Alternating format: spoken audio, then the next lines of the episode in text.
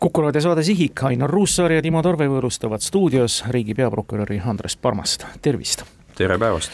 Andres, olete eeskätt meil siin täna stuudios kui rahvusvahelise kriminaalõiguse ekspert, spetsialist ja põhjustel, et Eesti peaminister Kaja Kallas, Eesti riigisekretär Taimar Peterkop, mitmed Leedu poliitikud on Venemaa poolt kuulutatud tagaotsitavateks kahtlustatuna kriminaalkurjategijad Äh, kriminaalkuritegudes. no me saame aru, et tegemist on selgelt poliitilise sammuga ja noh, ma eeldan, et Vene võimud ei hakka üritama Kaja Kallast ja Taimar Peterkopi siinsamas jälitada või esitada nõudeid neid välja anda. mis staatus see üldse on ja kui palju see nüüd riigisekretäri ja peaministri tegevust siinsamas Eestis või rahvusvahelisel areenil pärsib?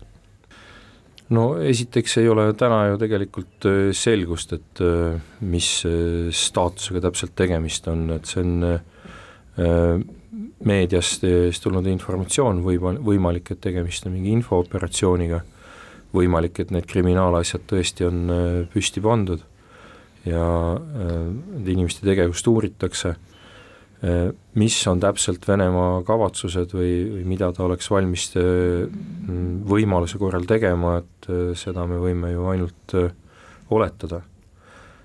see on kindlasti pretsedenditu, kui teise riigi äh, kõrgete ametiisikute suhtes äh, äh, on püsti pandud äh, kriminaalmenetlusi.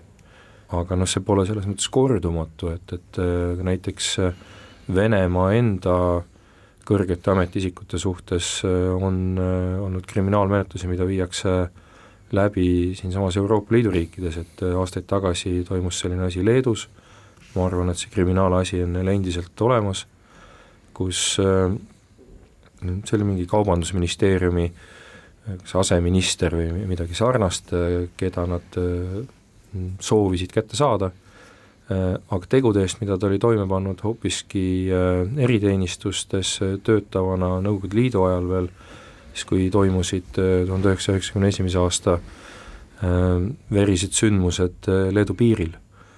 aga no see on hoopis teine asi, eks ole. see on tõesti teine asi Venemaa president Vladimir Putin on ka rahvusvaheliselt saanud kriminaalsüüdistuse ja rahvusvaheline kriminaalkohus on andnud välja ka tema vahistamisorderi, noh seegi on ju poliitiline, mitte reaalne samm või sümboolne samm, mitte keegi ei püüagi ju Putinit vahi alla võtta. ma arvan, et nii ei saa öelda, mitte keegi ei püüagi seda teha. Ehm, et, et see on kahtlemata nii Äh, praktiliselt kui ka poliitiliselt äh, ütleme, väga keeruline ette kujutada seda olukorda, et, et keegi hakkaks kinni võtma äh, Venemaa istuvat riigipead.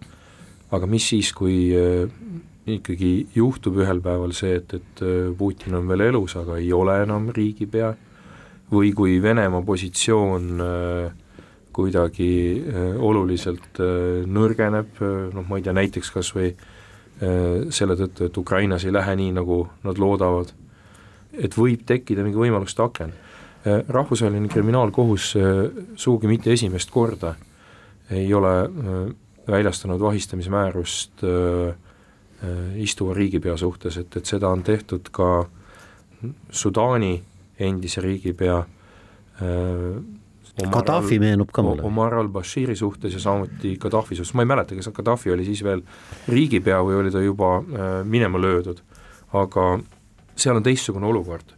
et äh, need juhtumid olid äh, rahvusvahelisele kriminaalkohtule nii-öelda uurimiseks, uurimispädevus oli neile antud ÜRO Julgeolekunõukogu resolutsiooniga. ÜRO Julgeolekunõukogu resolutsioon seitsmenda peatüki alusel on tegelikult kõikidele maailma riikidele siduv.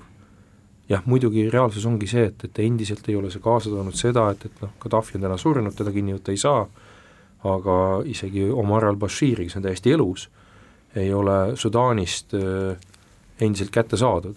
vahepeal tundus, et äkki on see võimalik, et ta antakse kohtule üle ja täna tundub see võimalus jällegi äh, ebareaalsem. nii et, et Putini osas äh, täna tõesti ei ole see hästi ettekujutatav, aga kontekst võib muutuda võib küll, no ja kui me räägime üldse sõjakuritegudest, siis on siin hoopis teised kohtumeetmed ja siin on küllalt ajalugu näidanud, et need inimesed saadakse kätte, Miloševitšid ja, ja kõik teised ka. ma tulen korra Kaja Kallase, Taimar Peterkopi juurde tagasi, et ühesõnaga sisuliselt ei muutu nende jaoks mitte midagi, noh välja arvatud see, et Moskvasse, kuhu nad niikuinii ei lähe, ei ole mõtet praegu minna. ma kardan, et, et see olukord ei ole nii roosiline, et äh, maailm on suur ja lai, Venemaal on, Venemaa on esiteks ühe olulise regionaalse konventsiooni osaline, mis on Euroopa väljaandmiskonventsioon ja selle lisaprotokollid, kusjuures Venemaa on teinud sinna väga tähelepanuväärse deklaratsiooni esimese lisaprotokolli juurde, kus siis kitsendatakse või, või ütleme, välistatakse ütleme, väljaandmis, väljaandmisest keeldumise selliste põhjuste hulgast tegusid, et, et noh, riigid on kokku leppinud selles konventsioonis, et poliitiliste kuritegude puhul nad ei pea isikut välja andma.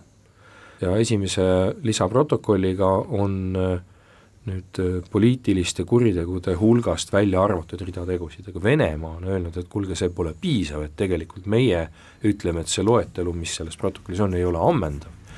Ja jätab endale tegelikult lahtised käed äh, äh, nii-öelda äh, suuremaks mänguks.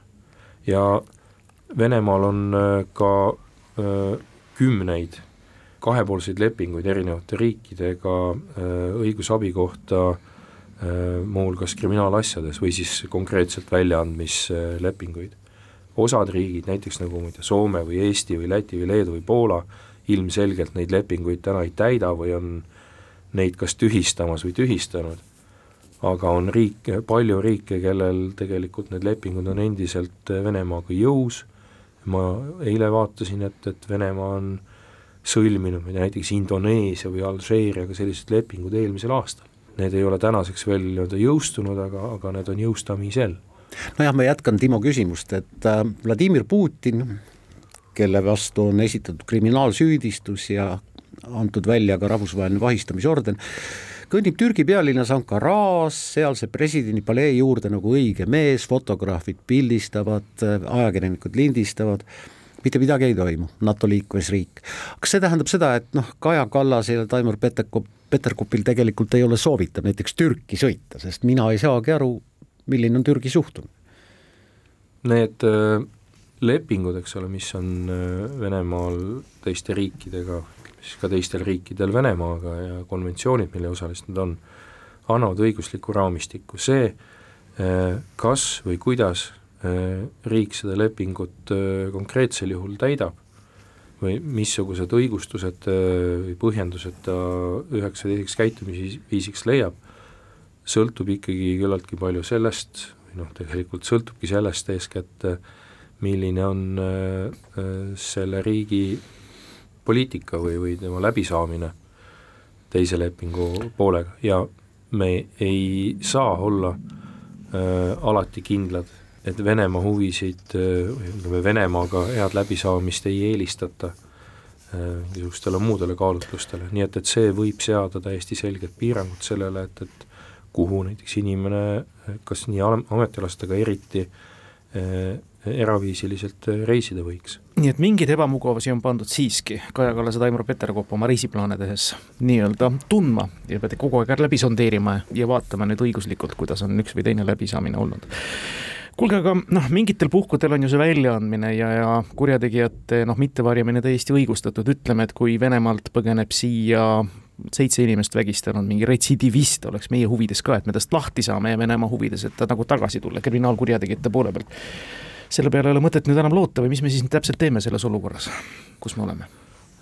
sõltub konkreetsetest äh, asjaoludest, et äh, üldiselt äh, me oleme loobunud Venemaaga igasugusest õigusalasest koostööst, Venemaa ei ole õigusriik, Venemaal, Venemaa puhul ei saa kindel olla, et ka inimene, kes on nagu tõesti reaalselt põhjendatult kahtlustatud või süüdistatud mingisuguses raskes isikuvastases kuriteos, et ta seal üldse saab nii-öelda õigusriigile kohast kohtlemist.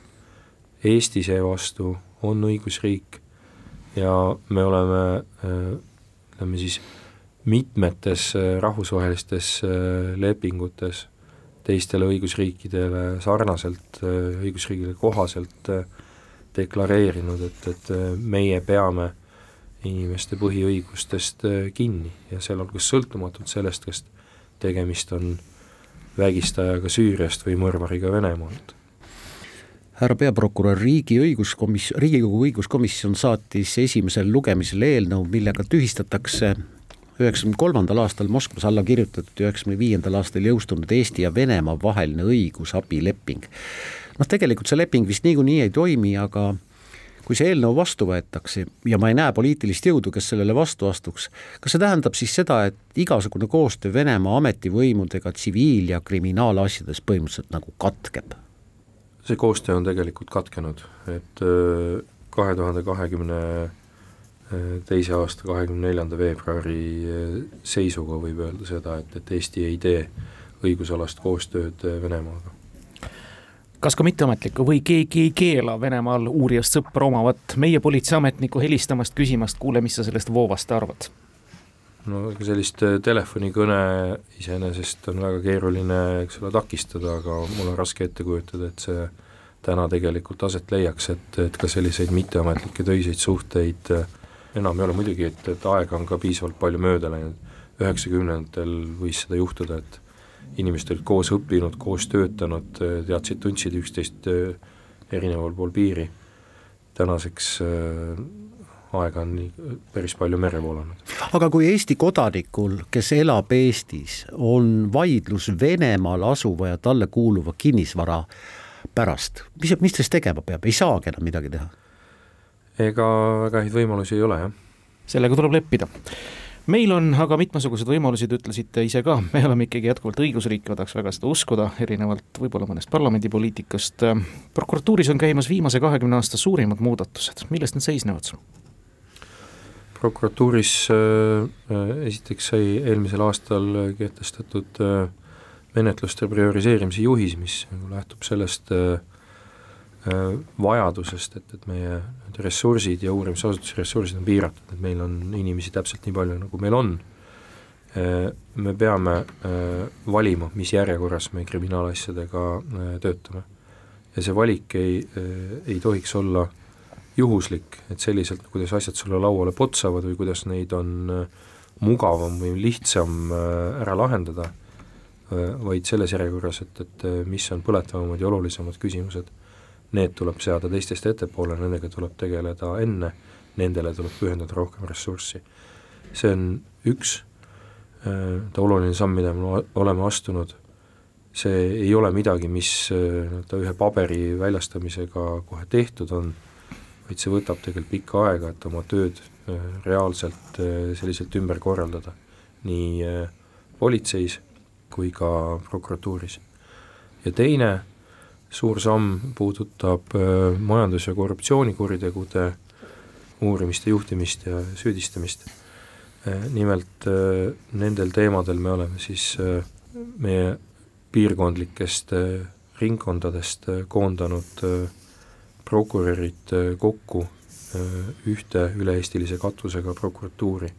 selleks, et meil oleks üks suurem meeskond, üks juhtimine üks arusaam sellest, kuidasmoodi neid menetlusi läbi viia ja jällegi võimalus selgemalt äh, äh, prioriteete seada, seada tööle äh, meeskondi, et asjad on tihtilugu suured ja mahukad, aeganõudvad ja me ei saa, nii nagu see klassikaliselt on olnud, et, et üks asi, üks prokurör, kõikides asjades niimoodi töötada justiitsministeerium tõdeb, et äh, viimastel aastatel on kriminaalmenetlustes konfiskeeritud vara väärtus jäänud sinna kuhugi nelja miljoni ja ühe miljoni vahele ja tõdeb, et seda on vähe. kas prokuratuur saab üldse seada eesmärgi, et suurendada konfiskeeritud varade väärtust? jah, me soovime seda teha, äh, aga äh, eks siin panevad meile piire ette nii võimalused õiguslikus mõttes et kuidas ja missugust eh, vara on see kohus siis eh, valmis konfiskeerima ja ka konfiskeerimise eelduseks on see, et, et see vara on üldse alles selleks ajaks, on olemas midagi, mida saab ära võtta, et et menetluse kestel ka varade olemasolu tagada, ka see ei käi automaatselt. ja teiselt poolt seab meile olulisi piire jällegi see, et kui palju on äh, nii politseil kui prokuratuuril äh, tegelikult ressursse asjaga tegeleda. igasuguse nii-öelda konfiskeerimise eelduseks on tegelikult ikkagi see, et inimene mõistetakse või toimepanija mõistetakse kuriteos süüdi. Järelikult on see nagu esimene asi, mis tuleb tagada. Meil paraku täna on selgelt puudu seda võimekust nii politseis kui prokuratuuris, et et süüdimõistmise kõrval piisava jõuga tegeleda siis ka sellega, et, et toimepanijate vara üles leida, selle olemasolu menetluse lõpuni nii-öelda tagada, et äh, seada sinna peale tõkendid et siis lõpuks jõuda ka selleni, et neid konfiskeerida. Andres, te viitate kaks korda selle intervjuu vältel juba asjaolule, et meil pole piisavalt jõudu, ressurssi, me peame prioritiseerima ja olukord on nagu on. no eks me kõik tüürime küsimusega sinna, millele te olete juba korduvalt vastanud. kuhu te kibelete, praegu jätab see kõik nüüd mulje, et te kipute nagu uppuvalt laevalt ära minema, kandideerides Tallinna ringkonnakohtu esimeheks ei, ma ei kipu kuhugile uppuvalt laevalt minema, ma ei, ka ei arva, et äh, meie kriminaaljustiitssüsteem on uppumas, meil on probleeme. Ja probleemidega tuleb äh, tegeleda. aga te olete äh, minema, mis mina lähtun selles, selle juures sellest, et, et, et, et see töö paraku jääb, jääb minust, minust pooleli ja, ja järglastele jätkata, et, et mul ei ole võimalik sellega nii-öelda lõpuni jõuda nii või teisiti. Andres Parmas, me kohtusime teiega viimati siin jõulude ajal ja siis mul oli teile esitada noh, kaks sellist suhteliselt lühikest küsimust, kuulame neid korra veel. kas teie teada on mõni kriminaalmenetlus käimas mõne võimaliku riigireeturi kohta Eestis või prokuratuuris? meil käib mitmeid huvitavaid menetlusi. kes on järgmine poliitik, kelle korruptsiooniteod jõuavad avalikkuse ette? siis, kui selleks on käes õige aeg, siis kahtlemata avalikkus ka äh, sellest kuuleb, kui meil on mingisuguseid äh, olulisi uudiseid teatada. on ta koalitsioonist või opositsioonist äh, ma jään selles osas hetkel vastuse võlgu. seda kõike ma küsisin kahekümnendal detsembril. ei läinud palju aega mööda, kui Vjatšeslav Morozovi riigireetmise kahtlus tuli välja, nüüd me teame, et on Tõnis Mölder ka selles paadis, kus on Gerd Kingo, Kalle Grünthal ja paljud teised. ma pean sama küsimuse nüüd küsima. on meil mõni uus huvitav riigireetmise juhtum prokuratuuris menetluses? Äh, pean vastama samamoodi, et, äh, et neist asjadest äh, saab rääkida siis, kui nii-öelda õige aeg on käes ja seni ei saa midagigi ei ümber lükata ega kinnitada. oleme põnevil ja ikkagi korruptsioonijuhtumid. ja kohe küsingi nii-öelda laiemalt ära, et ühiskonna väärtushinnangud tundub, et on ikkagi päris hulluks läinud kätte, kui me nüüd järjepanu ikka loeme ja me loeme nii-öelda meetoditest, mingi jahiselts kakskümmend viis tuhat võta vahelt Riigikogu palga juures, millest me nüüd räägime? see Riigikogu koosseis on, on ta siis oma rahva nägu või?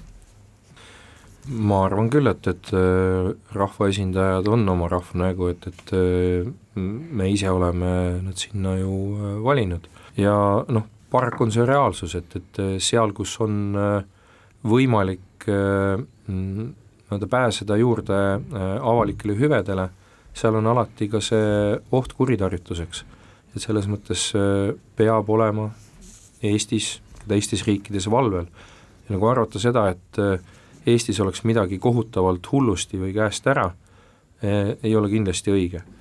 aga mida ma olen ka varem välja toonud ja rõhutanud, on see, et korruptsioon äh, ja korruptsiooni ilmingud äh, nii-öelda tsiviliseeritud riigis, nagu Eesti täna on, ei, ei ole samasugused nagu sellises üheksakümnendate aastate hundi ühiskonnas, kus kohvriga tassitakse kellelegi sularaha ja kus üsna nahaalselt, häbematult ja selliselt nii-öelda tegelikult kergesti läbi hammustatavate skeemidega asju tehakse. korruptsioon kolib äh, kolib nii-öelda kabinettidesse, kolib dokumentidesse, välja kujunenud ärisuhetesse ja selle avastamine eeldab tegelikult süsteemset nii-öelda luuretööd ja info kogumist. ma peangi küsima, kes on järgmine? Mul ei ole teile täna ühtegi, ühtegi nime öelda, et ma, ma saan teile öelda lihtsalt seda, et, et äh, me võime kahjuks olla öö, äh, oma elukogemuse pinnalt täiesti veendunud, et öö, äh, me ei ole kõiki korruptsioonijuhtumeid Eestis avastanud ja see nähtus ei ole Eestis kuidagiviisi lõpetatud. jõudu sellega tegelemiseks, suur tänu, et tulite, riigi peaprokurör Andres Parmas! aitäh!